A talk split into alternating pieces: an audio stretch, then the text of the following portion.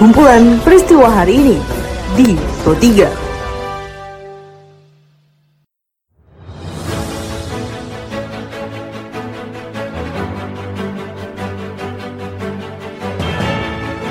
Halo pendengar, saat ini Anda sedang mendengarkan kumpulan peristiwa Pro 3. Pada podcast ini saya akan mengulas terkait isu-isu aktual yang saat ini masih hangat juga ramai diperbincangkan di sekitar kita.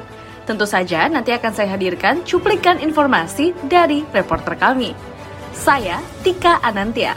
Inilah kumpulan peristiwa Pro 3 di ruang dengar Anda. Pendengar sebelum masuk ke dalam beberapa isu aktual yang akan saya hadirkan sesaat lagi, saya ingin mengundang Anda terlebih dahulu untuk mampir dan follow sosial media kami di @rri Programa 3 di Instagram, Twitter, juga Facebook Anda. Apabila Anda ingin berita yang lebih aktual lagi, Anda bisa mengunjungi laman berita kami di rri.co.id.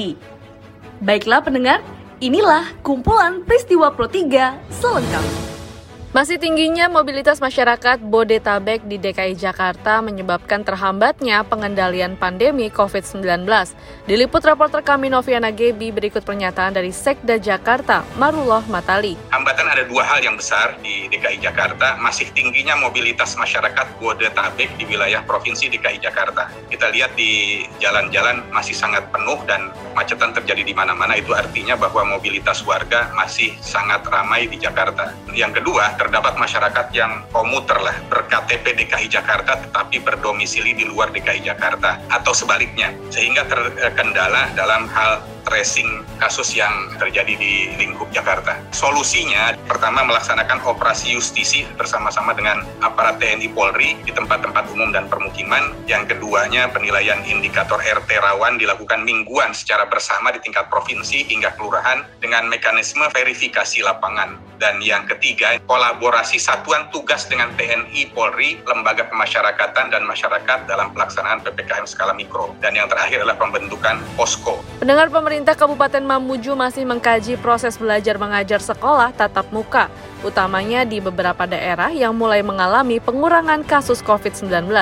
Diliput reporter kami Muhammad Yusuf Umar, berikut pernyataan dari Bupati Mamuju, Siti Sutina Suhardi. Jadi guru-guru yang ini lagi work from home, mereka bisa kita SK-kan untuk bisa mengajar di lingkungan-lingkungan mereka. Nah, jadi anak-anak yang kemarin tidak sekolah, itu mereka bisa data berapa satu di lingkungan itu ada berapa jumlah guru yang WFH gitu, dan berapa anak yang ada di lingkungan itu.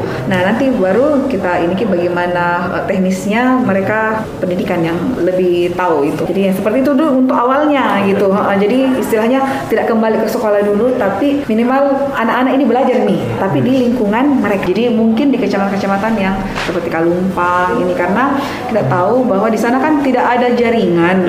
Jadi akses internet anak-anak itu sangat-sangat susah.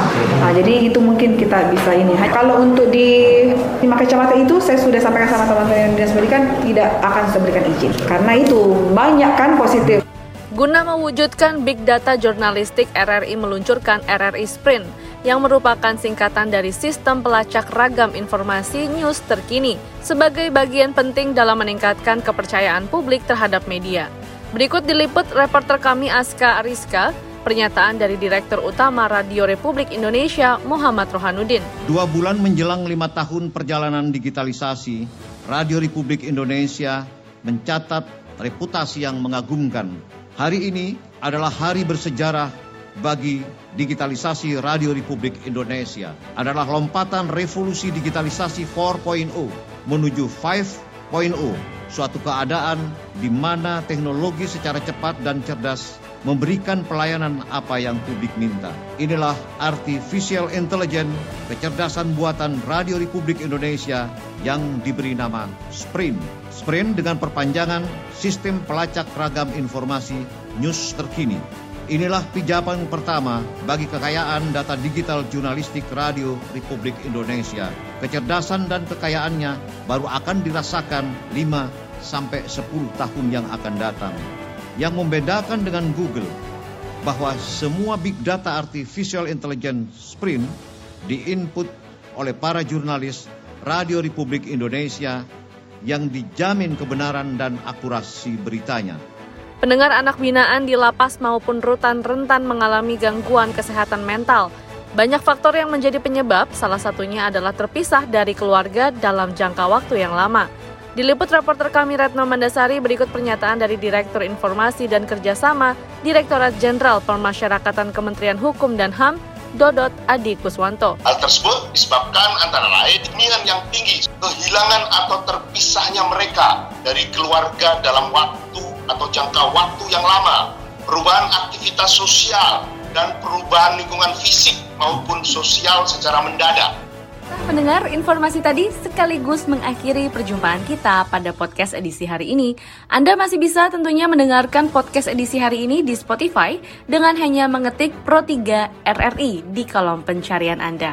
Saya Tika Anantia beserta tim editor kami Karisma Rizky undur diri. Sampai jumpa.